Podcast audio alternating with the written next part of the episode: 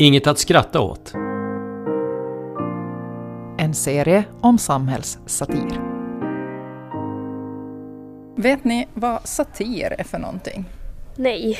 Ingen aning. Nej. Jag skulle nog säga att, det är att man driver med någonting som är annars kanske ganska allvarligt eller så det att folk uppfattar det som allvarligt. Satir är att sparka uppåt, eh, ifrågasätta makthavare, ruttna samhällsstrukturer, försöka stå, få till stånd en förändring genom eh, humor, eh, vass kritik, intelligent ifrågasättande. Har satiriker och humorister en skyldighet att sparka uppåt? Nej, absolut inte.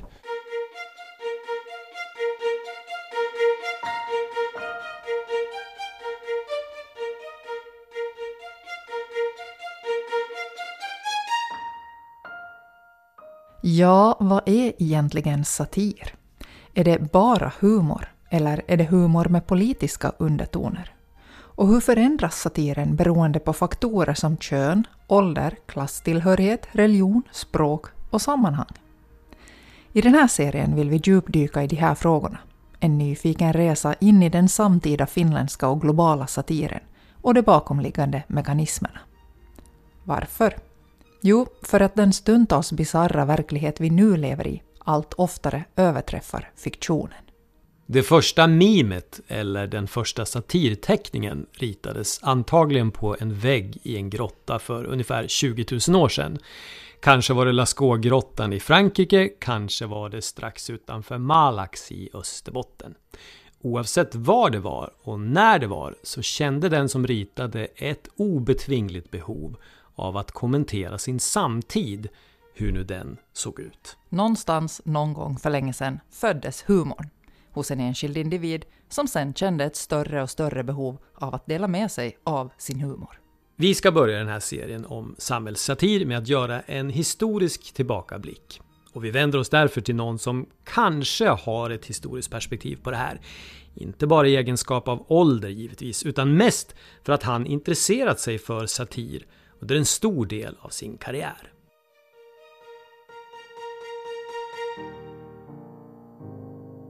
Satir är roligt och det är fräckt och elakt och det ska handla om någonting som är, ligger i tiden, som är samhälleligt aktuellt och relevant. Staffan Brun är författare, journalist och satiriker. Hur skulle du säga att satir och humor har uppstått ur ett evolutionistiskt biologiskt perspektiv? Du använder så svåra ord och uttryck att jag måste riktigt fundera. Uh, hur satir och humor har uppstått uh, vi går, jag vet att det finns en gammal pjäs någonstans från antikens Rom som hette Satyrikon, men den är tror jag bara blodig och, och, och, och hemsk. Jag tror inte att det var satir där alls, men man inte hittar satir i, i de antika, hos de antika grekerna, där måste det ha gjorts satir tror jag. De hade ju någon sorts demokrati påstår de och de måste ju till demokratin hör ju att man eh, eh, kritiserar makten och så att satiren måste ha uppstått där, men jag har inga namn nu om du vill ha någon god satirisk författare därifrån den tiden. Aristofanes är väl den mest kända där och, och, även Sokrates, men jag tänkte om vi går ännu längre tillbaka, på grottstadiet fanns det humorister och satiriker då som använde humor som en slags försvarsmekanism kanske? Ja, det kan ju hända att, att den som var alltför rolig och och, och var alltför humoristisk snabbt blev huvudet kortare. Jag tror ju att uh, makthavarna har haft väldigt svårt att anpassa sig till humor och satir, framförallt om de själva blir utsatta för det. Så att uh, om man nu tänker en på på alla svenska kungar till exempel, och, som ju också var då, våra kungar här i Finland, så de hade nog inte mycket humor utan man blev nog av med skallen mycket snabbt. Den stereotypa nidbilden säger att Finland dels var så hårt hållna av sina övervakare i öst, dels så präglad av sitt bistra klimat och sin bistra kultur att humor var en extrem bristvara. Politik var inget man skämtade om annat än i undantagsfall. Och politisk humor var definitivt inte något som påverkade den allmänna debatten. Men stämmer det? Professorn i statslära vid Helsingfors universitet, Jan Sundberg. Ja, alltså då var det ju på det sättet att det var mer konkret, för då hade, här i Finland var ju så att att det här det var ju speciellt med förhållandet till Sovjet som då dominerar ganska mycket, det vill säga inte bara utrikespolitiken, också inrikespolitiken. Så att vi, demokratin var ju inte ifrågasatt i Finland, men, men eh, ryssarna var ändå en hel del att blanda sig i, i olika frågor här, här i landet. Och då gjorde man sig lustig över det här då, dels de sovjetiska ledarna och, och framförallt då presidentens vänskap med dem och, och, och, och, och, det här. Och då var det just fråga om och, och det klassiska här i Finland, ja, hur de söp tillsammans eller något sånt och vitsar kring det här. Så det var mer av den här typen. Klart det var i vissa vänsterkretsar gillar man inte sånt här, men, men det var mer allvar. Men, men överlag så, så var det här någonting som var så väldigt folkligt får man väl säga. Men idag så, så är, är det kanske lite annorlunda, för nu är inte det här med Sovjet på det, eller Ryssland mera på det sättet, på samma sätt aktuellt. Klart det finns där alltid, men, men, men det är lite annorlunda idag kanske, eh, satiren. Att, att det här, då, då är det mera hur, hur, hur, hur det här några politiska ledare kanske, kanske det här har gjort sig tokiga i, det kan vara affärer med, med eh, där, där då de har gjort något snedsteg eller, eller, det här, eller något sånt här. Liksom. Det är kanske mera sådana eh, personliga grejer, liksom, kommer in, personifiering på ett annat sätt. Siinä korostuu kritiikki, tietynlainen tuomio ja, ja tämä huumori. Sari Kivistö är litteraturprofessor vid Tammerfors universitet och hon har forskat i satirens historia. Nämä on niitä elementtejä, mitä tutkimuksessa on liitetty satiriin. I satiren som genre betonas kritik och humor. Det blir som en domstol, förklarar Sari Kivistö. Satirikern delar in människor i skyldiga och oskyldiga. Satiriker säger att det aldrig enbart är bödlar som bara straffar sina objekt. En reflektion över vad som är rätt och fel ingår alltid. Till satiren hör en gammaldags moraliserande aspekt, vilket idag förstås kan kännas något främmande. Sari Kivistö menar att satiriker kan uppfattas som tvetydiga. Det tar inte nödvändigtvis ställning i frågor om moral. Satiren är inte enkel till sin struktur och den rör sig ofta på gränsen, vilket kan göra det svårt att veta vad som är satir och vad som inte är det, säger Sari Kivistö.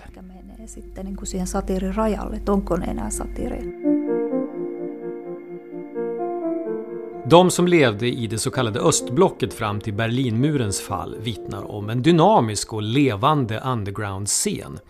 Det yttrar sig i hemligt stencilerade nidbilder av diktatorer och folkplågare som Honecker och Mielke, chef för Säkerhetspolisen. Och i vitsar som spreds folk emellan. Vad är skillnaden mellan socialism och en orgasm? Du jämrar dig längre under socialismen. Historikern Eckhart Schörle förklarar att sådana i grundlag oskyldiga vitsar blev en slags testballonger för vanligt folk i exempelvis DDR.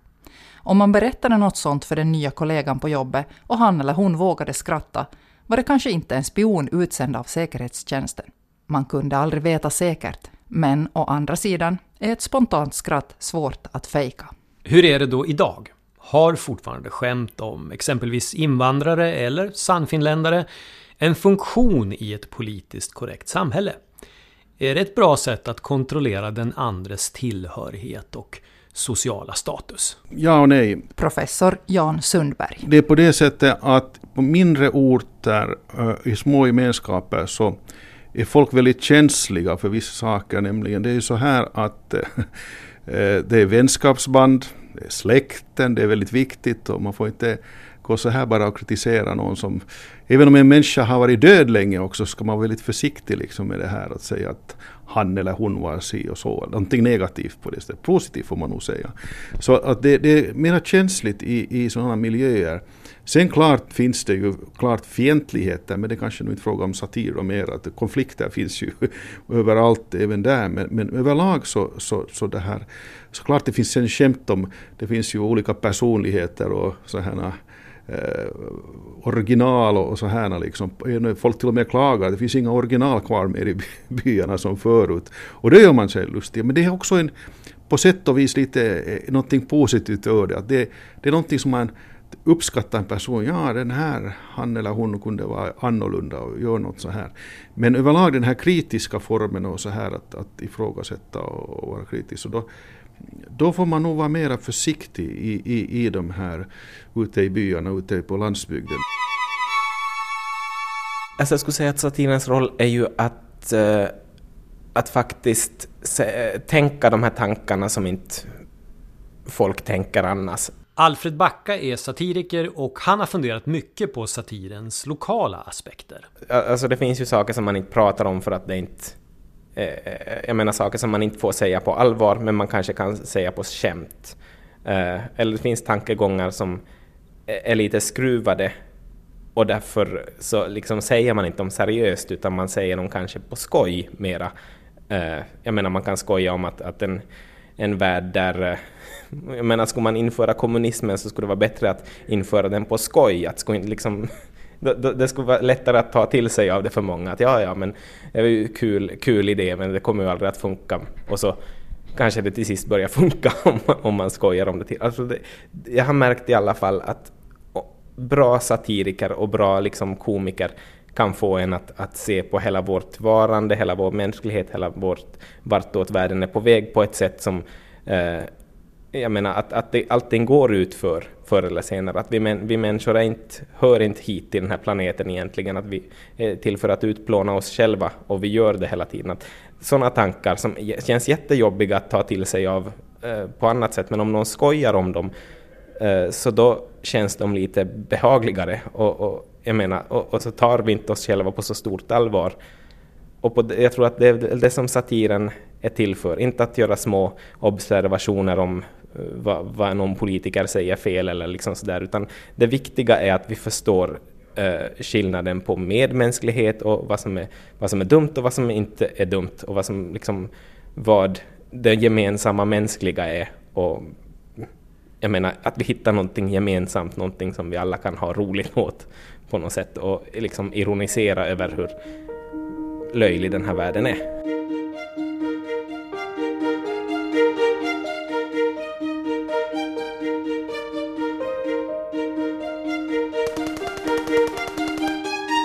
Kölvattnet av Charlie Hebdo-massakern i Paris för två och ett halvt år sedan hamnade plötsligt den politiska satiren i centrum på ett sätt den inte gjort på decennier. Många fick för första gången upp ögonen för att satir intimt sitter ihop med yttrandefrihet och att det som uppfattas som satir i vår del av världen kan uppfattas som en fråga om liv och död på andra platser i världen. Jag har faktiskt haft svårt själv att ha en åsikt om det där, att går de för långt eller inte. Författaren Staffan Brun. Jag håller sympatiserar mycket med det att man ska pröva gränserna och att man inte ska uh, av rädsla för repressalier ska man absolut inte tiga men uh, men följderna i Charlie Hebdo-fallet var ju lite sådana att kanske det skulle löna sig att vara lite försiktig.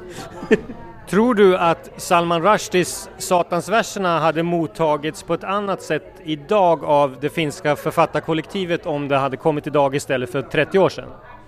Ja, det tror jag faktiskt. Jag tror att uh, gränserna har förskjutits där och att man har blivit försiktigare. Det har blivit någon form av självcensur nog. Så jag tror faktiskt att du har rätt där. Att, uh, uh, men det var ju ganska tryggt på den tiden, då för 30 år sedan, att försvara Salman Rushdie.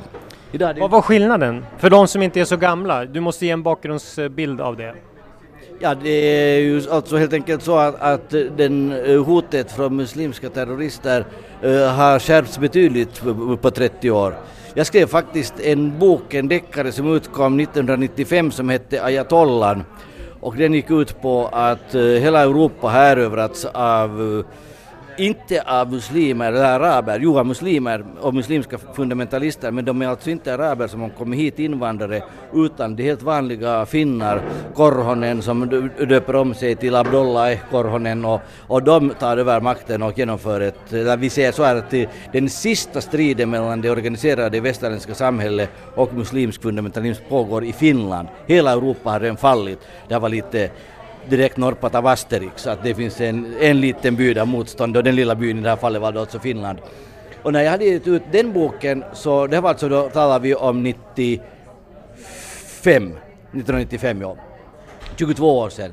Så då gav jag den, det var, då hade vi Salman Rushdie ganska färskt minne, så jag gav den till en lektor på på Helsingfors universitet som var expert på arabiska språk som läste igenom den och så sa jag att jag vill inte ha någon fatwa. Att eh, uh, kollar du det? Och då läste han igenom den och sa att ändra på två ställen Mohammed till alla så går du trygg. Men det där med Mohammed är lite känsligt så att alla är Gud och det är allas Gud så det är helt ofarligt. Så jag ändrade, strök Mohammed på två ställen och ändrade till alla. Sen gick den ut och när jag uppträdde på en utgivningsfest på Akademiska bokhandeln här i Helsingfors så stod det en samling uh, muslimska vi hade då, de hade kommit från Somalia några år tidigare, så vi hade, det var ganska nytt i Finland med muslimska invandrare, eh, åtminstone en större mängd. De stod bakom en pelare och lyssnade, min fru såg dem.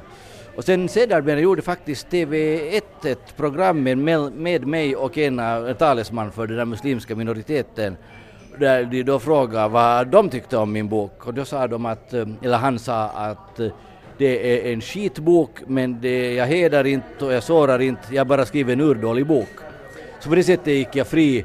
Idag vet jag alltså det, det som det hände i den här boken, det som jag beskrev då var att muslimska fundamentalister skär halsen av kvinnor som klär sig fel och, och eh, de tar liksom på ett mycket grymt sätt makten i egna händer och det var de gjorde där Elite Isis idag det var meningen att den skulle vara rolig och den var rolig 1995 men idag säger många att skrattet har äh, fastnat i halsen, det är inte så roligt mera. Nej, Staffan har rätt. Det är inte alltid så roligt med satir. Och hur är det egentligen? Är pennan mäktigare än svärdet? Det har vi ju fått lära oss. Men stämmer det i Europa 2017? Vi frågade en rutinerad journalist och publicist, Susanna Ilmoni, chefredaktör på Huvudstadsbladet. Jag tycker det där är jättesvartvitt och, och, och överlag så, så skulle jag ju vara försiktig med, med så, så pass starka, starka bilder. Eh, jag tror på det fria ordet som den enda. Men jag tänker bara, satirtecknare har ju blivit ihjälskjutna i Europa så det är ju en relevant fråga. Mm. Absolut, vi tänker på Charlie Hebdo, vi tänker på, på, på en massa, eh, jag menar Muhammed-karikatyrerna. Det finns en massa konkreta exempel förstås där satirikerna verkligen har fått betala med sina liv. Och det är ju ganska hisnande när man egentligen tänker då att det handlar om ord och bilder. Att det är så pass eldfängt och känsligt att man verkligen tar till vapen för att tysta de här pennorna och de här rösterna. Och det är ju, det är ju fruktansvärt som sagt fortfarande backar jag till, till, till yttrandefriheten som för en journalist faktiskt är den yttersta och viktigaste och mest värdefulla friheten vi har i en demokrati. Det är ju det här man ifrågasätter när man tar till vapen för att konkret tysta en människa som utnyttjar sin yttrandefrihet. Men då är ju AK47 mäktigare än pennan det kommer alltid nya pennor som inte kan tystas oberoende av hur många vapen man tar till. Det tror jag på. Och man lämnar ju kvar ett arv och det finns ju också en skyldighet hos oss som blir kvar efter en AK47 när den har, har det där tystnat. Att, att ta vidare värvet och faktiskt hålla den här facklan, facklan i det där brinnande. Så jag tror inte att AK47 kommer att vara det sista ljudet eller ordet vi hör.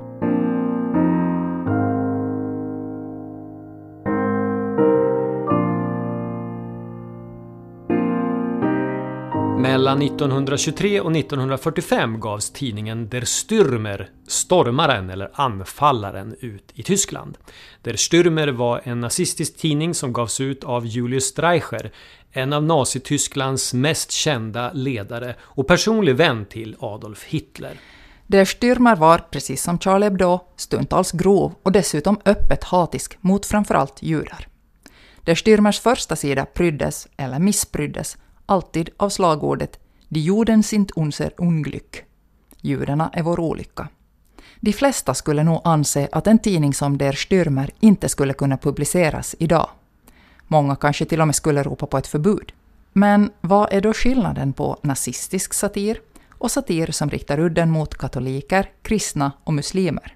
Alltså ur ett yttrandefrihetsperspektiv. No kyllä tämmöinen niin kansanryhmää vastaan kiihottaminen, meillähän ei ole ihan semmoista kohtaa journalistin ohjeissa, mutta laissahan se on. Semmoinen Inom den journalistiska etiken finns ingen punkt om hets mot folkgrupp, men i lagen finns den, säger Elina Grundström som är ordförande för Opinionsnämnden för massmedier, den organisation som granskar anmälningar om satir gått överstyr. Kyllä se niin kuin sananvapauden raja menee juuri siinä semmoisen niin kuin vihaa väkivaltaan lietsovan. Gränsen för yttrandefrihet går just vid hot om våld och hets mot folkgrupp. Det kan man inte försvara med att det är humor, säger Grundström. Nu har vi till exempel många fall där man i karikatyrer skämtar med islam. Och frågan blir då om det är hets mot muslimer och muslimer som folkgrupp, eller om det bara är frågan om något i en religion som man kan ha goda grunder att skämta om. Är det frågan till exempel om att klädseln i någon kultur innehåller något roligt som man kan karikera i en bild? Eller är det frågan om något så allvarligt som hets mot folkgrupp? kansanryhmää vastaan kiihottamisesta. Så sammanfattar Elina Grundström från Opinionsnämnden för massmedier problematiken med satir. Uh, tror jag att skratt är ljuga. Jag tror att skratt är ju exakt det vad du, som du tycker är kul. Stan Sanila och André Wikström jobbar med humor. Ja, men det, man skrattar ju åt uh, hemska saker. Det är ju också ett sätt att uh, Ja, men det var inte, alltså efter Estonia-olyckan så gick det inte liksom många timmar så kom de första liksom, liksom ordvitsarna bara för att man måste få bort det där systemet. Man måste få bort, det var ju så jävla hemskt så man bara... Alltså man, jag kommer ihåg ett skämt som var till exempel, var, nästa dag så hörde jag det här skämtet, varför får man inte ge en julkalender åt, åt en estnisk eh, båtkapten? Han öppnar fel lucka. Det var direkt. Ja. Det har öppnats en ny affär på Utö. Vilken då? Body Shop. Det var, det var direkt kom det här, för det var bara för det var så jäkla hemskt och man måste på något sätt klara av det här. Men det, men det har att göra med just det här alltså att, att humor är alltså hemska saker som inte är på riktigt. Ja, man får skratta åt vad som helst. Men man kan aldrig veta säkert om den som står bredvid också kommer att skratta. Ett skratt kan eka ensamt i ett auditorium på tusen personer, men likväl räknas det. Men skulle då ett skratt rent teoretiskt kunna räknas som ett brott? Som så opassande att samhället skulle kunna förbjuda det? I Finland och i vårt grannland Sverige finns lagen om hets mot folkgrupp. Och frågan är, skulle ett skratt riktat mot en utsatt grupp i samhället kunna falla under den lagen?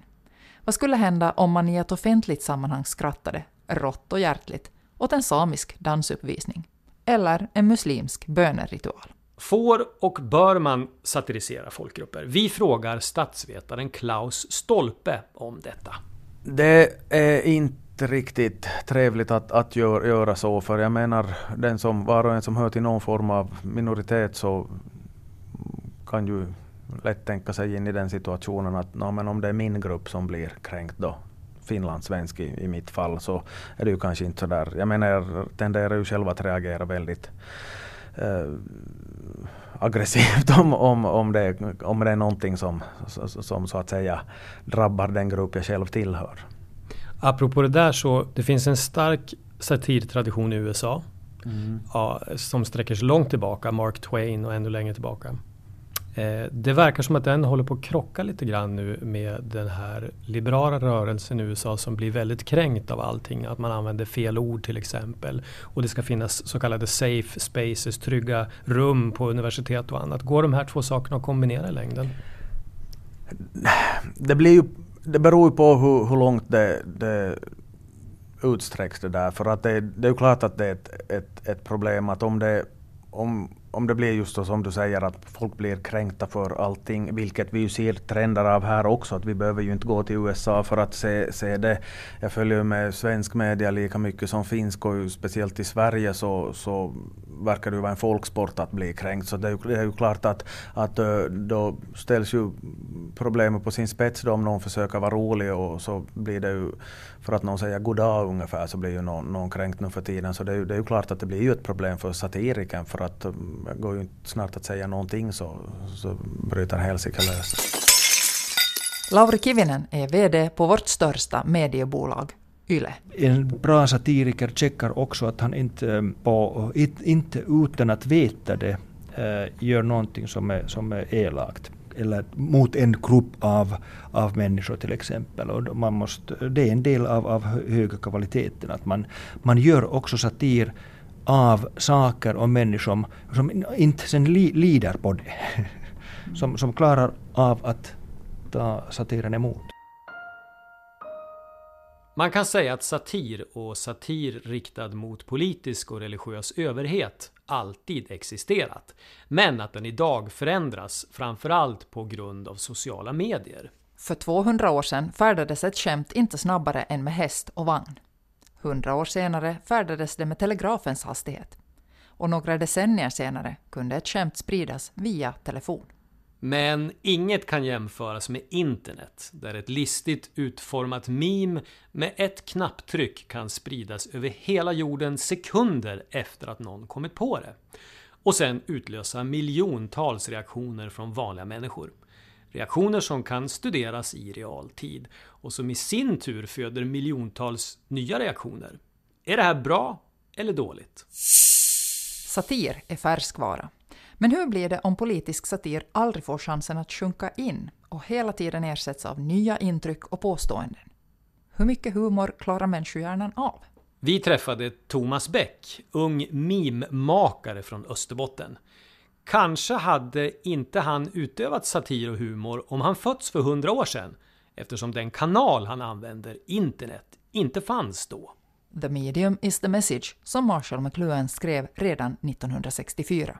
Mediet är själva budskapet. Absolut, som med sociala medier så tror jag nog att många underskattar dess kraft och att hur, hur stort det kan bli av någon, att någon politiker gör bort sig eller någonting. Att, sen att vad folk skapar av det, så det är nog säkert många som det här inte riktigt fattar att hur stort det kan bli är en av styrkorna med det här att det går så himla fort. Det kan ju gå på 15 minuter när du gör någonting från att du har sett någonting tills att det är ute över hela världen. Det finns ju inga politiker som hinner med att försvara sig. Ja, det stämmer nog att det är nog faktiskt just den där farten och takten som, som gör att, att vi inte kanske fattar att hur, hur snabbt det kan gå. Att... Satirens förutsättningar har alltså förändrats genom historien, kanske mest formmässigt. Antagligen hade både Aristofanes och Jonathan Swift twittrat och tillverkat elaka memes om de levat idag. De hade distribuerat klassiska politiska satirer som den om den sexstrejkande Lysistrate eller den om Gullivers resor via sociala medier utan att andemeningen gått förlorad. Frågan är om det omvända förhållandet gäller. Skulle dagens komiker kunna sprida sina blixtsnabba internetmemes via stentavlor, handskrivna pergamentrullar och böcker som tog månader att pränta ner och trycka? Kanske, kanske inte. En sak är dock säker. Den politiska satiren överlever både krig, naturkatastrofer och stora sociala och politiska omvälvningar. Den har alltid haft en viktig kommenterande funktion i samhället. Pia Albeck på Åbo Akademi är litteraturvetare och expert på satirens mästare George Orwell. Satir är en mycket gammal litterär genre, lika gammal som litteraturen själv, går självfallet tillbaka till uh, antiken, de gamla grekerna och Rom likaså. Uh, eh, särskilt under upplysningen så får ju satiren en, börjar den blomstra ska vi säga. Eh, och det är ju i den tidsåldern vi fortfarande lever, eh, både historiskt och litteraturhistoriskt.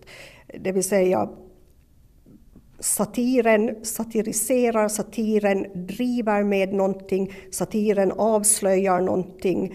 Eh, satiren visar på att eh, kejsaren saknar kläder när omvärlden påstår att kejsaren har väldigt fina kläder. Eh, satiren får oss att se saker och ting, politiska fenomen i synnerhet, med nya ögon. Satiren överraskar oss, gör oss häpna och ibland kanske också illa till mods. Satiren är respektlös. Och det ska den vara? Det tycker du? Ja, det tycker jag också.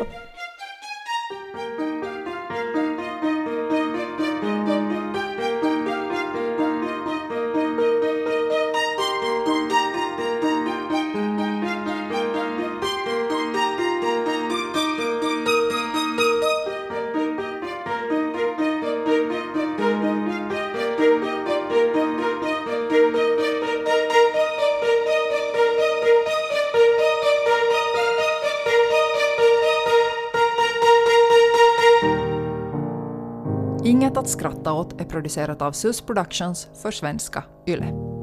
Ylles producent är Karin Götelid.